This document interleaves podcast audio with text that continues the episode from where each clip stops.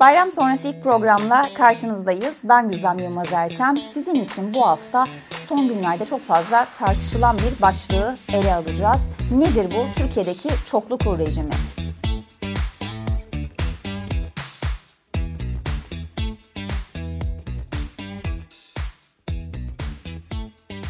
Şimdi aslında oldukça popülist bir konu bu çoklu kur rejimi. Çünkü hem muhalefetin hem de iktidarın e, tartışmasına sebep oluyor.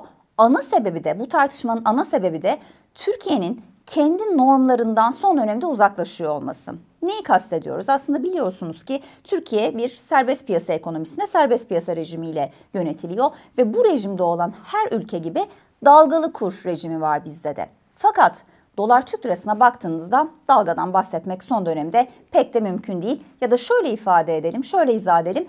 Dalga boyu oldukça küçük ki fizik kurallarında da biz bu dalga boyunun küçük olduğu zamanlarda normal piyasa koşullarından bahsedemeyiz.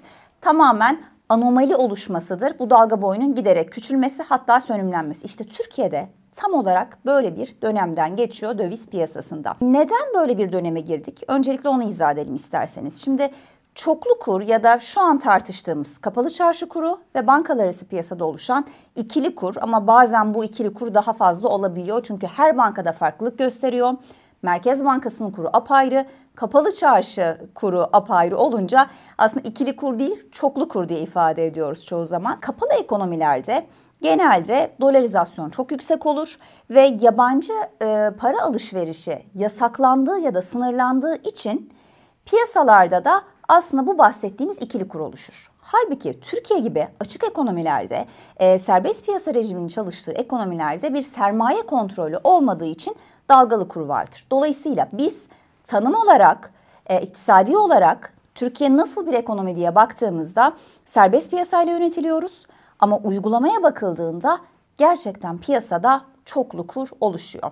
Nasıl oluşuyor? Bugün biraz bu aslında uygulamanın teknik taraflarını sizin için ele almaya çalıştık. Çünkü son dönemde tartışmalar biliyorsunuz hep Merkez Bankası kuruyla kapalı çarşıdaki arbitraj imkanına e, dikkat çekilerek anlatılıyor. Yani ne deniliyor? Mesela hemen bakalım Nisan'ın 25'i itibariyle elimizdeki rakamlarla Merkez Bankası'nın alış kuru 19.40, e, satış kuru 19.43. Kapalı çarşıdaki bu rakam ise e, alış kuru 20.38, satış kuru 20.39. Dolayısıyla kabaca %5-5,5 arasında değişen bir marj var.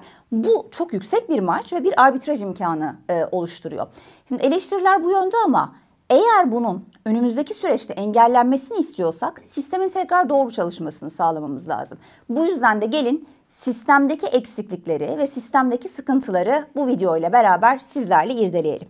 Öncelikle Sabah piyasa açıldığı zaman bankalar kendi kurlarına göre müşterilerine döviz satıyorlar. Yani şu an sokaktaki bir vatandaş ya da X bir şirket sabah saatlerinde bankaya gittiğinde ne kadar döviz almak istiyorsa söylüyor 100 dolar, 1 milyon dolar, 500 bin dolar gibi ya da internet bankacılığı üzerinden e, döviz talebini iletiyor.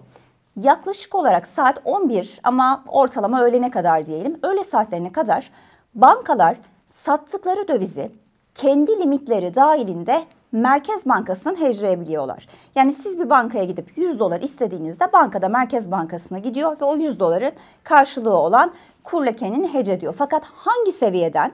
İşte burada TCMB'nin alış satış kuru işlemiyor. Çünkü banka kendi riskinde yönetmek için buradaki marjı giderek açıyor. Yani bankada gördüğümüz kurla Merkez Bankası'ndaki alış satış kuru arasında aslında oldukça yüksek bir fark var. Peki saat 12'ye kadar bu işlemi gerçekleştirdim.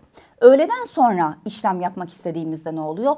Orada devreye çok sıkı bir kontrol giriyor. Her bankanın apayrı bir limiti var. Kimi bankanın e, günlük yaklaşık 50 milyon dolar, kimi bankanın 300 milyon dolar gibi limiti var. Ama kabaca banka hazineleriyle konuştuğumuzda Türkiye bankacılık sisteminde bir günlük Merkez Bankası'nın resmi olarak telaffuz edilmese bile aslında sözel olarak bankalara olan uyarısıyla limiti 1,5 milyar dolar civarında.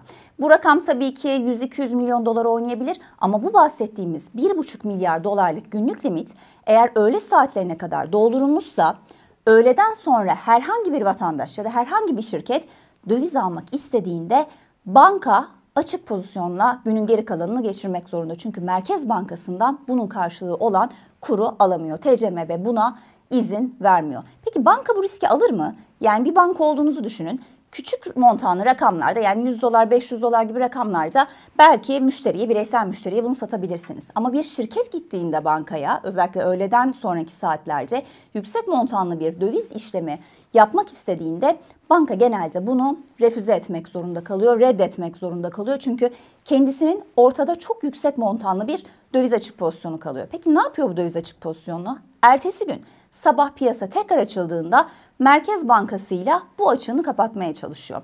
Dolayısıyla bankalar için bu taraftaki yani ikili kuru iki yönden ele almamız lazım. Bir yandan Merkez Bankası kurundan daha yüksek bir kurla satış yaptıkları için aradaki marş onlar için pozitif. Ama öte yandan da öğleden sonraki saatlerde TCMB'nin piyasayı kapattığı ve kendi limitlerini doldurduktan sonraki saatlerde işlem yaptıklarında da açık pozisyon aldıkları için bilançoları için oldukça yüksek bir kur riski doğuruyor. Peki bundan sonra bu sistemin daha doğru işlemesi için ne yapılması lazım?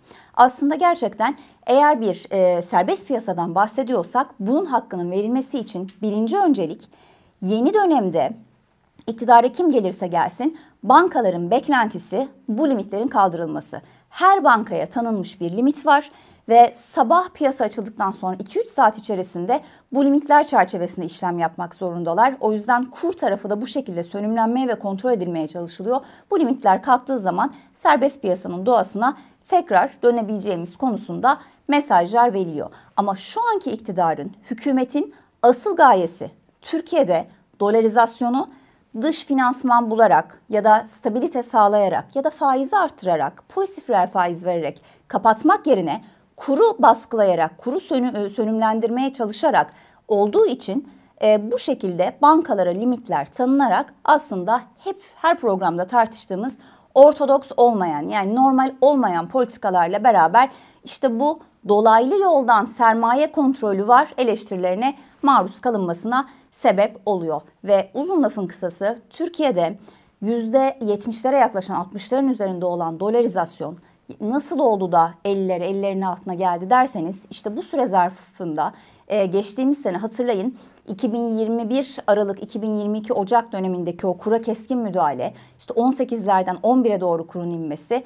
o dönemde açıklanan KKM KKM'nin yavaş yavaş eski ilgisini kaybetmesiyle beraber Merkez Bankası'nın getirdiği sınırlandırmalar Türkiye'de de toplam mevduatların içerisindeki döviz oranının %50'ler hatta 50'lerin altına gelmesine sebep oldu. Yani ana motivasyon içerideki yerli yatırımcının bireysel ya da tüzel TL'ye olan güveni değil döviz tarafında işlem yapamamasından dolayı azalan bir dolarizasyon oldu. Umut ediyoruz ki önümüzdeki süreçte serbest piyasa ekonomisini Türkiye hızlı bir şekilde döner.